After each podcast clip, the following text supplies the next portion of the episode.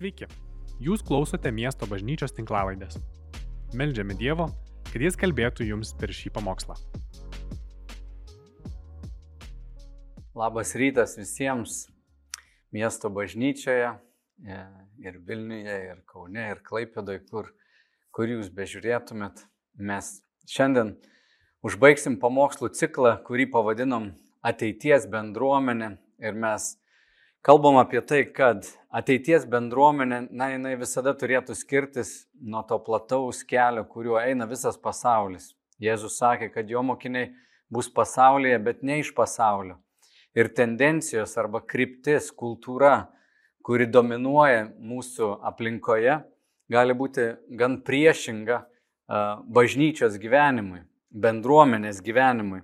Ir na, per šį mėnesį, visą sausio mėnesį mes kalbėjom tokiomis temomis. Romanas pamokslavo apie teisingumo bendruomenę socialinio darvinizmo kultūroje. Jis kalbėjo apie dosnumo praktiką. Paskui kalbėjom apie tarnavimo bendruomenę, karjerizmo kultūroje. Vėlgi buvo praktika kalbėti apie pašaukimą, ką Dievas šaukia mus daryti. Kalbėjom apie ramybės bendruomenę, baimės kultūroje, tai yra tylos ir vienumos praktika, apie tai, ką nešanti bendruomenė, kur yra didelė politinė polarizacija, susiskirstimas mūsų kultūroje. Tai čia Bogdanas palėtė svetingumo praktiką. Na, praeitą savaitę klausėmės apie polsio bendruomenę, tokioj nuovargio arba perdėgymo kultūroje, vėlgi apie šabo praktiką. O šiandien noriu pabaigti kalbėti apie šventumo bendruomenę, šventą bendruomenę tokio moralinio relativizmo kultūroje. Ir pakalbėsiu apie pasniko praktiką. Bet bendruomenė šiaip yra labai svarbu. Ir bendruomenė, kuri seka Dievu, jinai savo temperatūrą, savo kultūrą skirsis nuo aplinkos. Aš kartą girdėjau vieną ortodoksų kunigą sakant, kad visa, kas yra negyva, e, susivienodina savo temperatūrą. Tarkim, negyvi daiktai, visi įgyja aplinkos temperatūrą, bet mano kūnas jis yra kitos temperatūros, nes aš esu gyvas. Jeigu numirčiau po kelių valandų, mano kūnas būtų toks kaip ir mano visa aplinka. Taigi, būdamas gyvas dvasioje, tam tikra prasme, na, aš savo e, vidinę temperatūrą turiu skirtis nuo išorės. Ir ne visada tai yra lengva. Jeigu aplinkui šalta darosi, tai norisi ir man taip šalti, ir mano kūnas atrodo šalą. Ir Jėzus sakė, kai nedorybių padaugės, neteisumo padaugės, daugelio meilė atšals. Tai vadinasi, kai aplinka pasidarys tokia atšiauri, daug šaltesnė, kai kurių santykiai su Dievu irgi pradės keistis. O mes kaip bendruomenė, na, mes galim vienas kitą palaikyti. Jeigu vienas yra karštas ir kitas karštas, du susijungia, mes esam, na, karšti ir galim tą temperatūrą vienas kitam padėti išlaikyti. Bendruomenė iš tiesų yra labai svarbi. Ir aš galvoju, kad visi žmonės yra labai stipriai įtakoje tos aplinkos, kurioje jie gyvena. Mums neišvengiamai daro įtaką mūsų draugai. Kai tu pasirinksi žmonės, su kuriais tu leidi didžiąją laiko dalį, jie tau padarys įtaką, jų vertybės, jų įsitikinimą, jų kultūra, jų pomėgiai. Tikrai darys tau įtaką. Ir kartais tik tais laiko klausimas yra, kada krikščionis palieka, tarkim, bendruomenę ir leidžia laiką su savo bičiuliais, kurie gal turi kitus įsitikinimus. Jie tiesiog pasirinko kitą kelią. Tai neišvengiamai tai darys jam įtaką. Na, jis negali nuolat gyventi diskomforte. Mums reikia žmonių, kurie mąstytų taip kaip mes. Na ir šiandien būtent apie tai norisi kalbėti, kaip mums išstovėti. Kaip mums išstovėti įsitikinimuose, kad galiausiai mes būtumėm toj geroj kompanijoje. Nes, žinot, galim nugyventi visą gyvenimą, prabėgti ir paskui pasižiūrėti, ne toj kompanijoje buvau.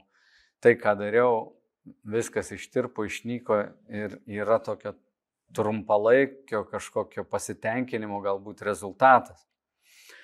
Taigi pradėsiu nuo pirmojo klausimo iš naujojo miesto katekizmo. Man jis labai patinka. Čia pasakyta, kokia vienintelė mūsų viltis gyvenant ir mirštant. Čia klausimas mums visiems. Kokia tavo vienintelė viltis gyvenant ir mirštant. Ir atsakymą, kurį mes randame šitame nauja, naujajame miesto katekizme, yra ne kad mes patys esame savo šeimininkai, bet kūnų ir siela, gyvendami ir mirdami priklausome Dievui ir mūsų gelbėtojui Jėzui Kristui. Tai čia labai rimta takoskira, kad mūsų viltis yra sudėtos į tai, ko mes negalim prarasti. Ir uh, C.S. Lewisas kažkada pasakė, kad neturėtume mes sudėti vilčių į tai, kas išnyksta, nes, nu, patirsim nusivylimą. Bet mūsų viltis gyvenant ir mirštant yra, kad mes nepriklausom patys savo, bet mūsų gelbėtojai viešpačiu Jėzui Kristui. Kūnu ir siela, vadinasi, visas mano gyvenimas yra jam paskirtas. Apaštalas Paulius apie tai rašė korintiečiams ir aš paskaitysiu šią ištrauką, kurią vėliau ir aptarsiu su jumis. Tai pirmo laiško korintiečiams šeštas skyrius nuo dvyliktos eilutės. Paklausykim.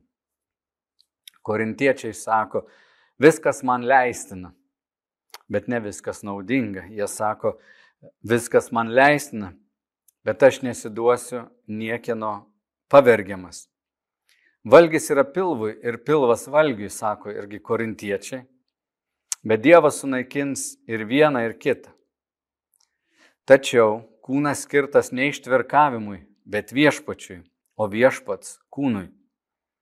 Kaip Dievas prikėlė, viešpati prikels ir mus savo jėga. Argi nežinote, kad jūsų kūnai yra Kristaus nariai? Taigi nejaugi aš ėmęs Kristaus narius, paversiu juos paleistuvės nariais? Jokių būdų. Ar nežinote, kad tas, kuris susijungia su paleistuve, tampa vienas kūnas su ją? Nes du taps, sako raštas, vienu kūnu. Taip pat, kas susijungia su viešpačiu, tampa viena dvasia su juo. Saugokitės ištvirkimo. Bet kokia kita žmogaus daroma nuodėme nepaliečia kūno, o ištvirkelis nusideda savo kūnui. Ar nežinote, kad jūsų kūnas yra šventikla jumise gyvenančios šventosios dvasios, kurią gavote iš Dievo ir kad jūs nebepriklausote patys savo? Jūs esate nupirkti už didelę kainą, tad šlovinkite Dievą savo kūnu ir savo dvasia kurie yra Dievo. Tai, ką Paulius čia kalba, nu negali būti turbūt nieko radikaliau nei tai, ką mes randame šiandien savo aplinkoje. Mes išgyvenam tam tikras moralės konvulsijas, kur atrodo, na, amoralumas jis auga. Aš pamenu savo vaikystę, niekada nebuvo taip lengva pasiekti arba matyti savo akimis tiek daug kūno kulto noro tą kūną išgražinti, norą jį patenkinti, norą e, jo mėgautis, litiškumo arba sekso toks propagavimas, plitimas. Na, aš turbūt jau skambu taip iš savo žodžių, taip kaip senas žmogus, mano laikais taip nebuvo. Ir aš pamenu, ir mano tėvai taip sakė, ir, ir vyresni žmonės taip sakydavo, tai toks jausmas tarsi mes labai rimtai degraduojam.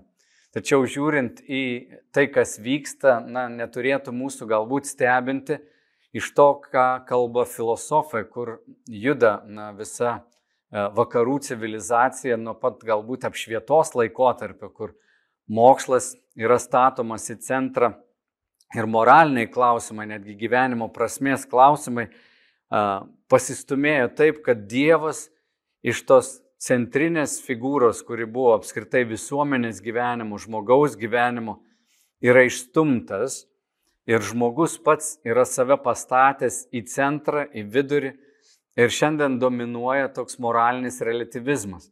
Kaip tai atrodo? Relativizmas tai reiškia, kad na, viskas priklauso nuo aplinkybių, nuo kiekvieno žmogaus, pats žmogus savo nustato tam tikrą standartą, pagal kurį jisai nori gyventi atrodo, kad visuomenėje nebėra jokios tokios šventumo tvarkos, dominuoja toks stipriausių išlikimas, nebelikė jokių absoliutų ir tokios va, filosofinės kryptis, išraiškos, kurios na, kritikuoja viską, analizuoja netgi visus moralinius tokius dėsnius, kaip dekonstrukcija.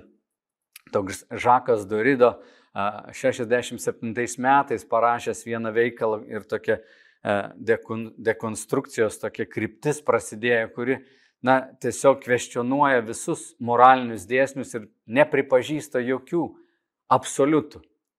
Kad nėra jokios absoliučios tikrovės, nėra absoliučios tiesos, kuri būtų aukščiau už mūsų, na, suvokimo, mūsų patirties. Nėra kažkokio aukštesnio standarto ir tą tu gali matyti. Iš tiesų, kai, kai žvelgiam į mūsų, na, e, filmus, kurie yra kuriami šiandien, tai labai dažnai išgirsi tokius, na, posakius arba pačią mintį, kad tau svarbiausia likti ištikimam savo, tau labai svarbu būti autentiškam.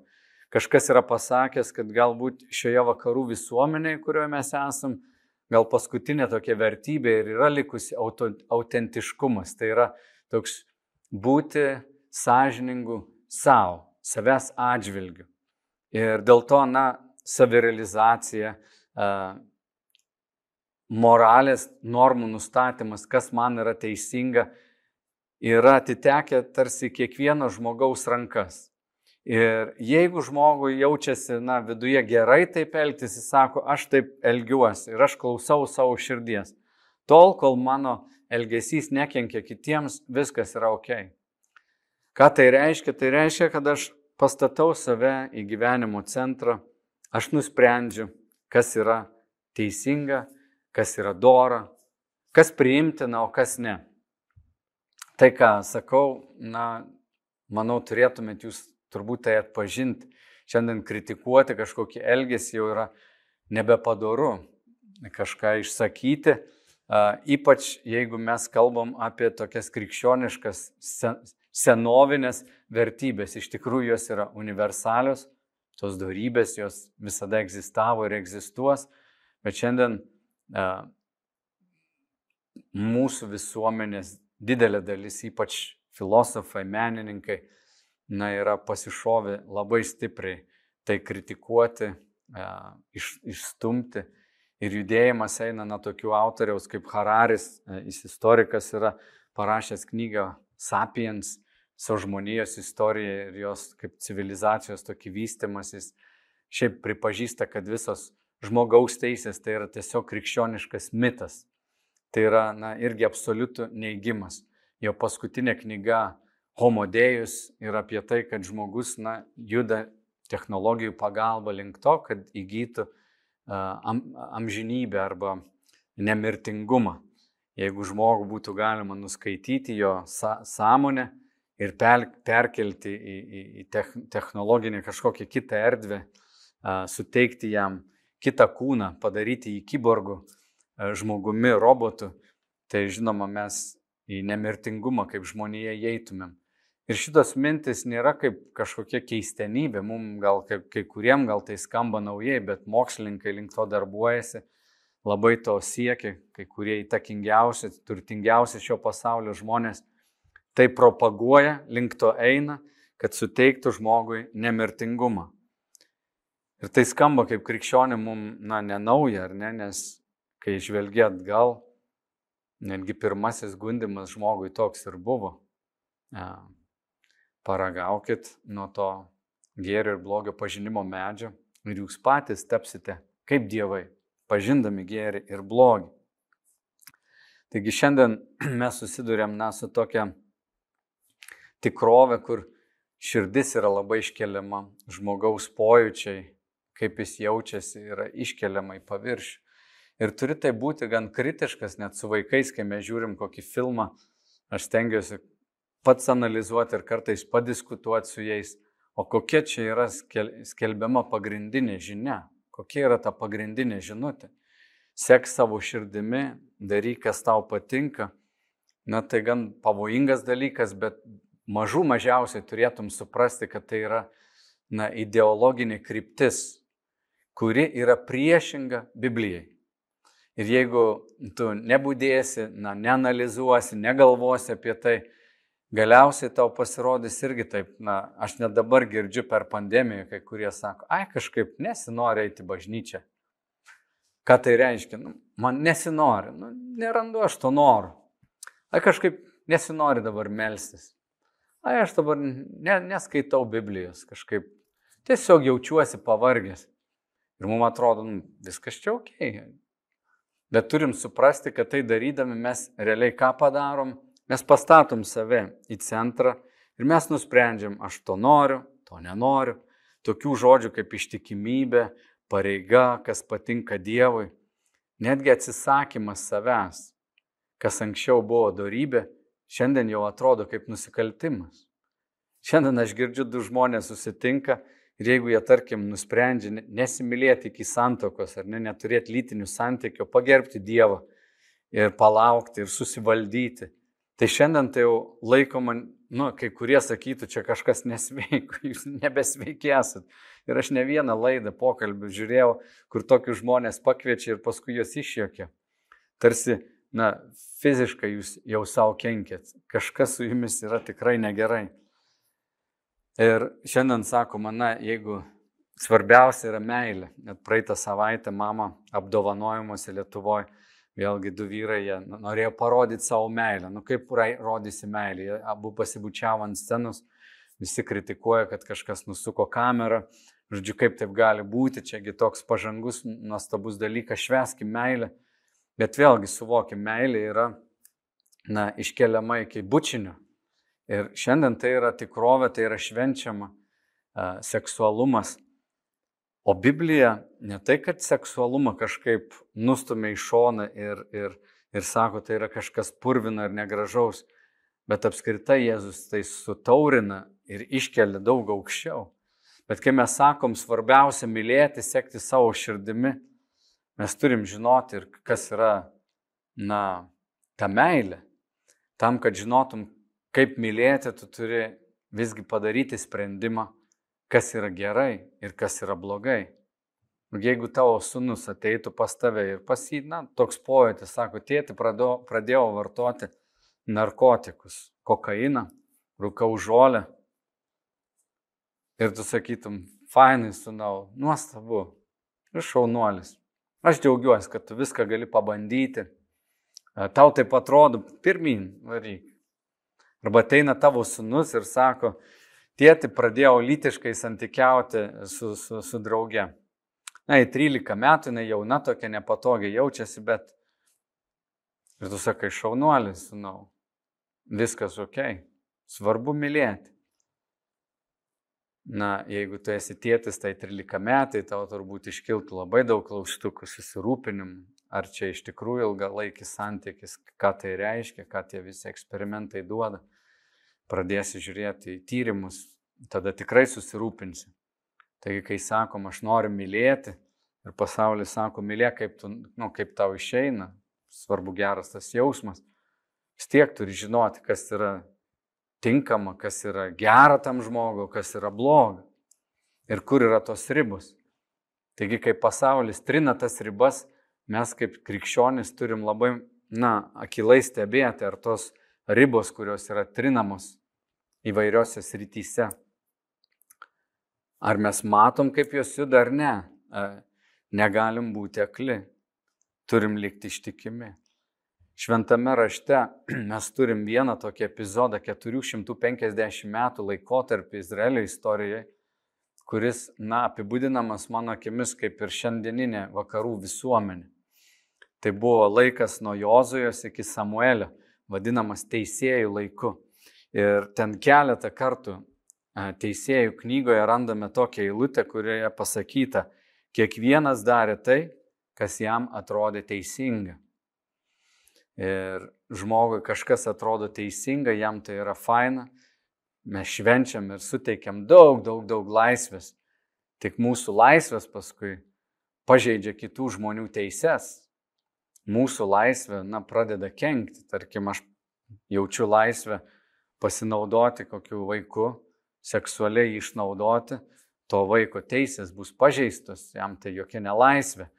Ir kai mes trinam tas ribas, na, visuomenė gali degraduoti. Taigi moralinis relativizmas galiausiai veda prie anarchijos, kur kiekvienas pats savo nusprendžia, ką reikia daryti. Net kaip krikščionis pasakysiu labai rimtai, turim žvelgti ir į tai, kaip mes žiūrim į valdžią, į valdžios struktūras.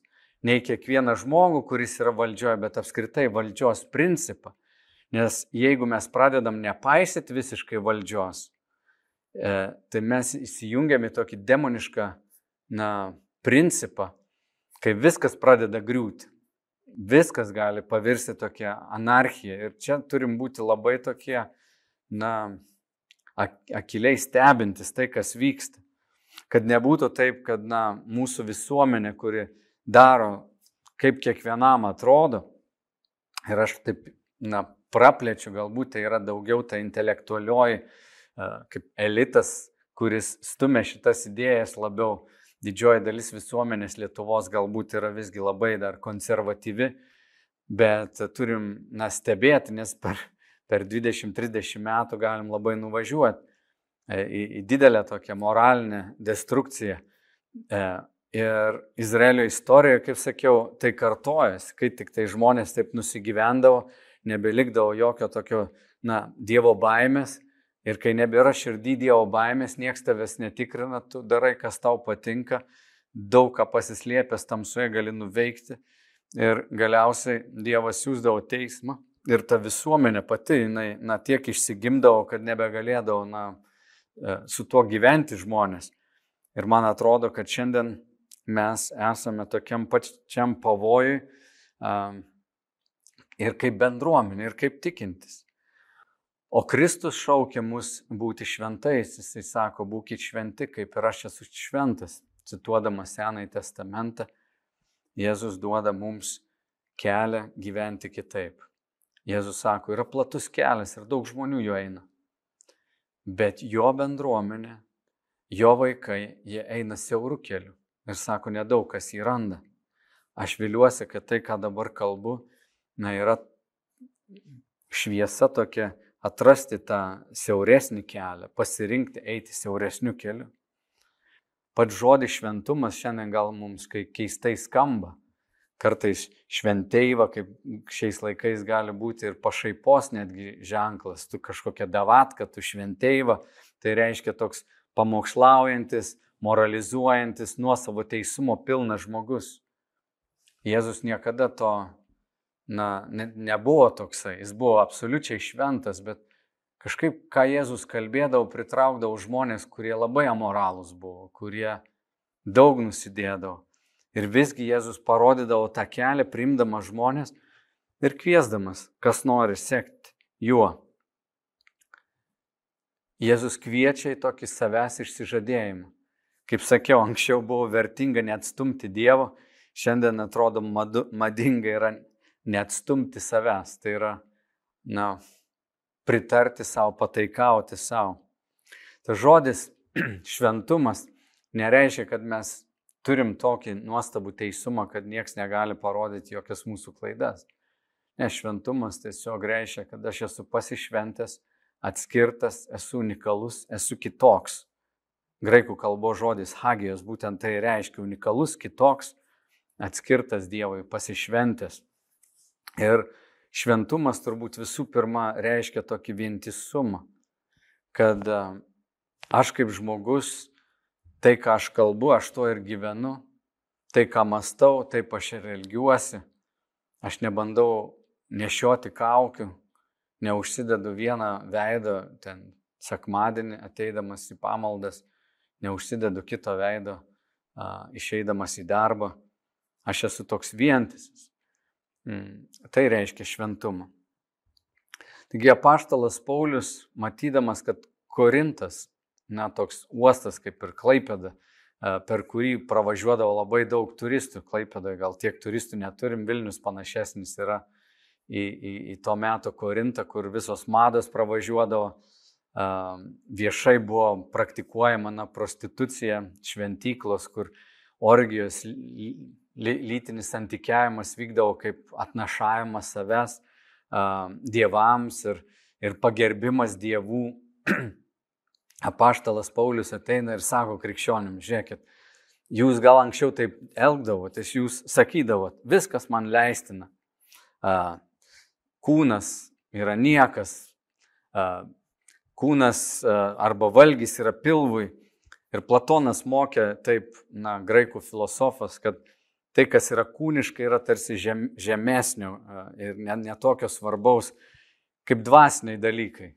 Taigi tu gali filosofiškai gyventi, bet ką tu, ką tu darai su kūnu visiškai nesvarbu.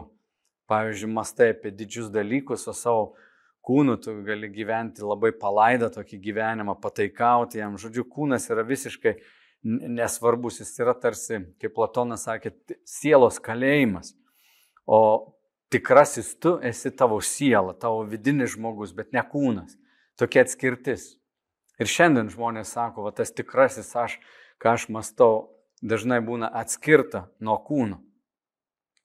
Tai korintiečiams norėti valgyti, norėti sekso buvo, na, tas pats dalykas, kaip ir norėti miegoti. Jokių ribų, jokių apribojimų.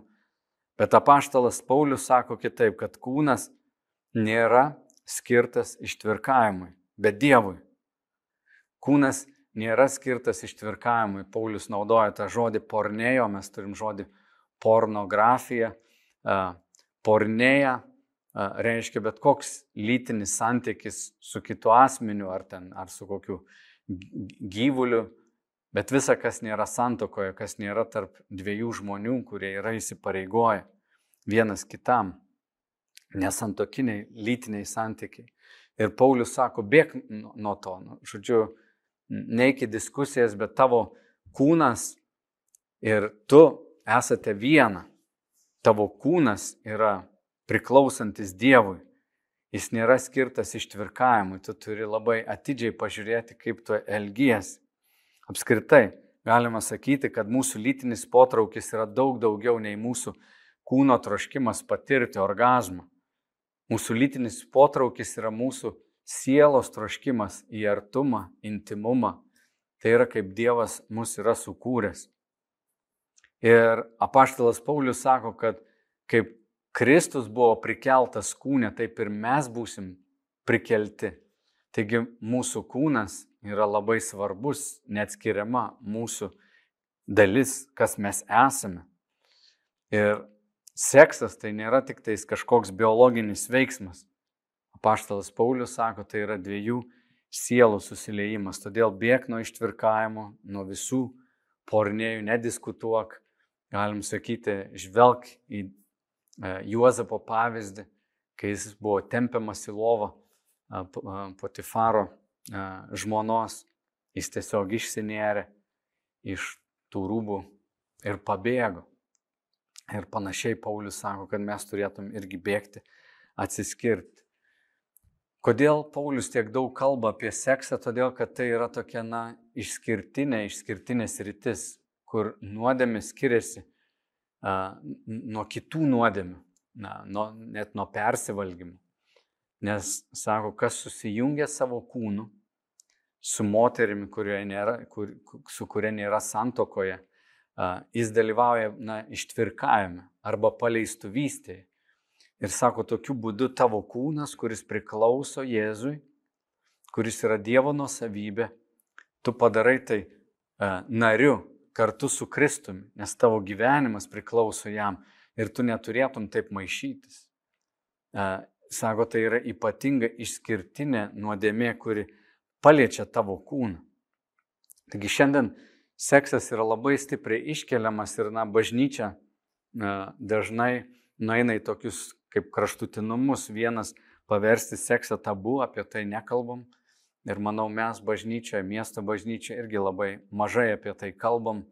Todėl na, nusprendėm kitą mėnesį visą ciklą paskirti, kalbėti apie litiškumą, kaip Dievas sukūrė žmogų ir paliesi daug tokių skirtingų temų, kaip monogamija, skirybos, potraukis tai pačiai lyčiai, na, daug tokių dalykų, kurios na, šventas raštas apibūdina ir mūsų aplinka, kurioje mes esam, na, turi savo ideologiją, turi savo kultūrą, kurie labai stipriai taip agresyviai gan propaguoja ir mums reikia apie tai kalbėti. Ir šiandien seksas iškeltas atrodo iki tokio lygio, kad žmogaus gyvenimas be sekso, be lytinių santykių atrodo net neįmanomas kažkoks apiplėštas, kažkoks vargingas. O anksčiau taip nebuvo, anksčiau buvo žmonės, kurie susivaldo, kurie atsisakydavo na, savo kūnui pataikauti, jie buvo matomi kaip tokie dvasingiausi. O šiandien didelis pataikavimas savo kūnui. Ir jeigu atrodo pasaulį šiandien seksą taip iškelia bažnyčia, kartais tai laiko tokiu tabu, arba viską priima, ką pasaulis diktuoja ir sako, na viskas yra ok. Pasiduoda tam tokiam moraliniam relativizmui ir sako, na jeigu žmogus laimingas, tai tegul jis gyvena kaip jis nori. Svarbu, kad jis jaustųsi gerai, svarbu, kad jis, na, būtų laimingas. Ir pasaulyje tai yra ok, bet krikščionims ne ok. Ir mes turim, na, diskutuoti, o kas patinka Dievui. Nes tai, ką Dievas sukūrė dėl mūsų, mums yra geriausia. Tai, ką Jis nurodo mums tame kelyje, kuris galbūt yra siauras ir atrodo, liktai kažką Dievas nuo mūsų nori nuslėpti, kažkokių vaisių nenori mums duoti, kad mes vien duona ir vandeniu gyventojom, iš tikrųjų tas kelias yra geriausiai patenkinantis arba atliepiantis mūsų būti, kas mes esam sukurti būti. Ir, ir, ir sekti tuo keliu yra svarbiausia. Man labai patinka viena citata Timo Kellerio pasakyta apie seksą, apie tai, kad Jėzus jis apskritai sutaurina seksą arba iškelia dar į kitą lygį. Jis sako, krikščioniška sekso etika buvo revoliucinė. Ji pristatė pačią sutikimo sekse idėją ir seksą pavertė ne savirealizaciją, kuri visada teikia pirmenybę tiems, kurie turi daugiau galios, o ilgalaikės bendruomenės atspindinčios Dievo santyki su mumis sukūrimą. E, seksas kaip savirealizacija, jisai sako, visada teiks pirmenybę na, tam, kuris turi daugiau galius. Mes matom tą vyrų dominavimą, netgi didelė dalis pornografinių, na, pornografinio turinio yra kuriama su dideliu smurt, smurtu, kur vyras jisai prievartauja arba engia kažkaip kitą. Ir ten yra labai daug prievartos ir tai kelia labai daug susirūpinimo. Jėzus sako, kad toks tenkinimas kūno arba tas pasimėgavimas, malonumo iškelimas, tai krikščionis, jie sutaurina seksą ir lytinį santykį iki to, kad tai yra, na, tokia ilgalaikė bendruomenė, kuri veda link san, sandoros. Ir jis toliau sako, tai aukštesnis, o ne žemesnis požiūris į seksą. Šio laikinės kultūros seksualinė logika, kad seksas skirtas savirealizacijai ir savipasitenkinimui, galiausiai nuosmenina ir objektivizuoja, nes galiausiai seksą paverčia vartojimu gerybė, o ne priemonė sandoros ryšiai. Tai veda prie bendruomenės kilimo ir santokos bei šeimos nuosmukio. Seksas už santokos ribų galiausiai yra sanderis, todėl galiausiai jis negali būti intimus. O paštalas Paulius ir sako, kad žmogaus siela ir kūnas yra sujungti. 19 eilutė, kur skaitėmi sako, ar nežinote, kad jūsų kūnas yra šventikla jumise gyvenančios šventosios dvasios, kurią gavote iš Dievo. Ir kad jūs nebepriklausote patys savo. Jūs esate nupirkti už didelę kainą, tad šlovinkite Dievą savo kūnu ir savo dvasia, kurie yra Dievo. Šlovinkite Dievą savo kūnu ir savo dvasia, kurie yra Dievo. Taigi mes turim pagerbti Dievą savo kūnu, ką valgome, ką mes kalbame, su kuo miegame, kaip naudojame valdžią, kaip naudojame savo pinigus, išteklius, kurie yra mums patikėti. Visu, kuo Paulius sako, jūs turite pagerbti Dievą. Tai čia skamba kažkam galbūt kaip toks sunkus įstatymas, o iš tikrųjų jis yra labai lengvas. Mm, tik tiek, kad mes turim problemą, jog mūsų pats kūnas ir kūnas graikų kalboje yra keli žodžiai. Toks vienas iš jų yra ne tas fizinis kūnas, bet žodis naudojamas sarks, tai yra ta kūniškoji prigimtis. Lietuviškai galėtumėm sakyti mūsų kūniškumas. Tas palinkimas į savęs tokį tenkinimą, polinkis į nuodėmę, į nuosavą valią. O čia yra problema. Ir šiandien mes, na, papuolam į tokį, jeigu pasiduodam savo kūnui pataikauti, tai tikrai Dievo įsakymai gali atrodyti labai tokie sudėtingi. O praktika, kurią mes galim naudoti savo kūniškumui pažaboti, yra senovinė, senovinė praktika, pasniko praktika. Tai mano tarpe aš vis išgirstu žmonių, kurie šiandien badauja. Uh, ypač paskutiniu metu išpopuliarėjęs toks trumpalaikis badavimas, tai yra na, praleisti tenais, tarkim, vieną vakarienę. Ir įdomu tai, kad tai labai sena krikščioniška praktika, kai kalbam apie pasniką.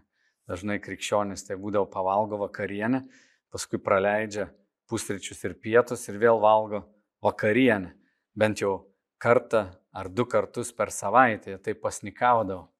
Ir šiandien mes atrodo esam nutolę nuo tokių praktikų. Aš pacituosiu jums Džono Veslio e, citatą.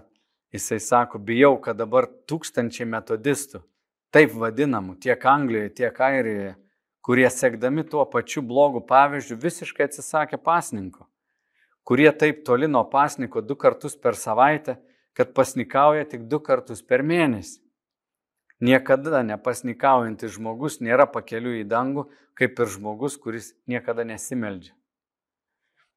E, Džonas Veslis buvo metodistų judėjimo arba šventumo judėjimo pradininkas ir visi dvasininkai turėdavo pasnikauti tris dienas per savaitę.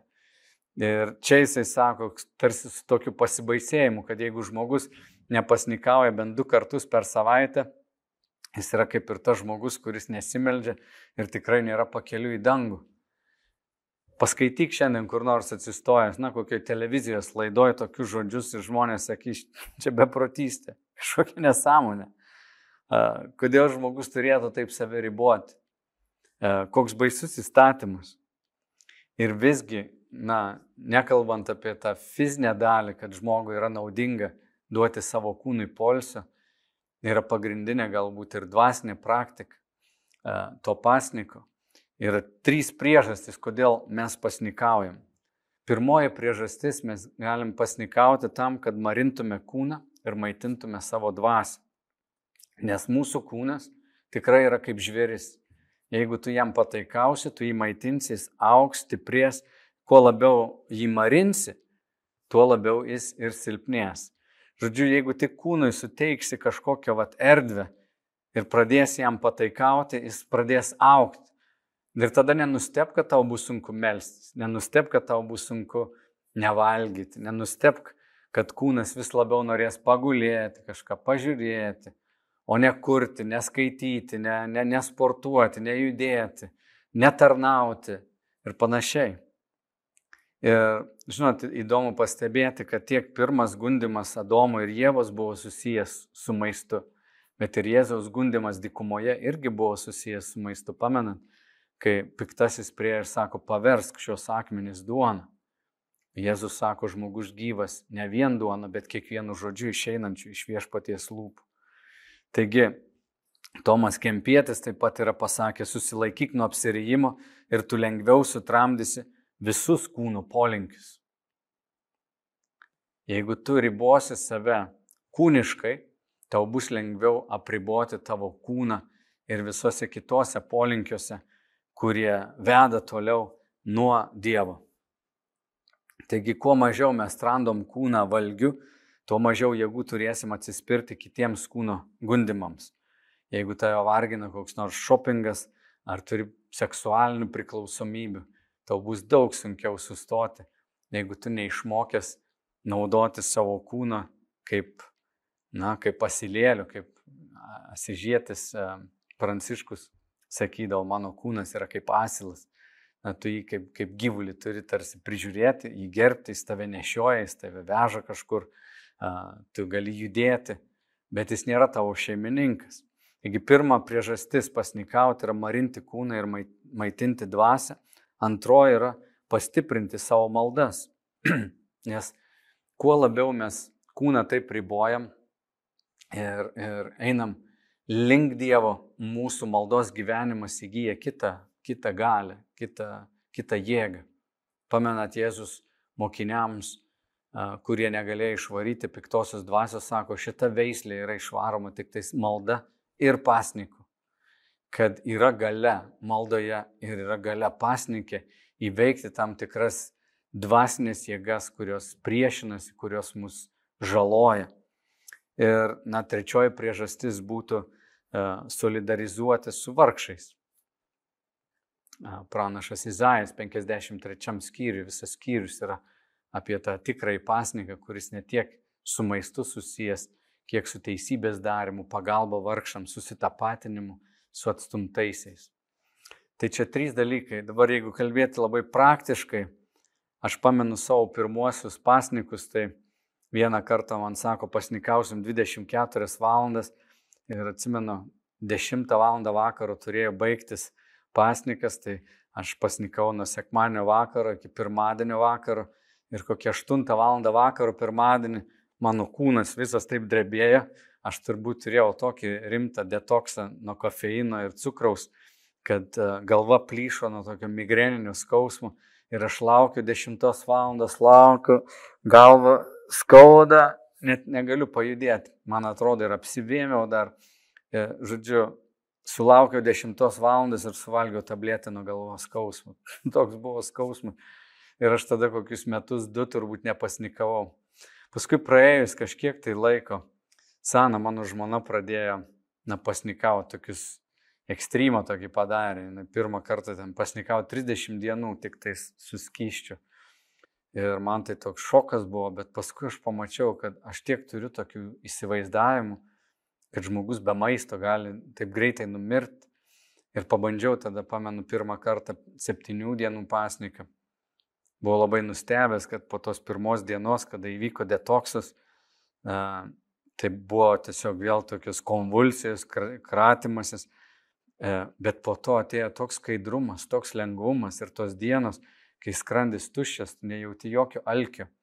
Tiesiog vartojau, na, sultis su šiltu vandeniu, išsispaudžiau ten obolių sulčių ar morkų, ar kokį nuovirą bulvių tokį šiltą išgerdavau, jeigu žiemos laikas Ir tas pasnikas be galo toks fainas.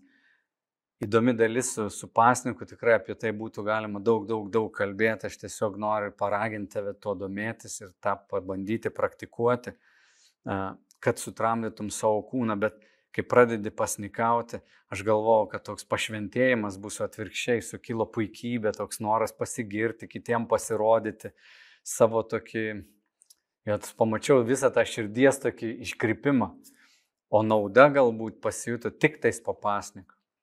Bet šiandien turiu pripažinti, kad tas ilgalaikis pasnikas, toks, na, septynių dienų ar dešimties dienų, kurį kartais darau kartą metuose ar du kartus metuose, toks pasnikas, jis gal yra gerai, bet kažką gali tai bauginti.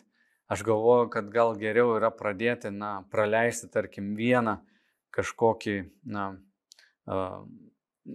laiką maitinimuose, tarkim, pusryčius arba pietus ir daryti tai reguliariai po kelis tokius, na, mažus žingsnelius ir pastebėti, kas vyksta tavo širdyje. Kai mes skiriam laiką pasnikui, mes pasitraukiam nuo maisto tam, kad atsidėtume maldai.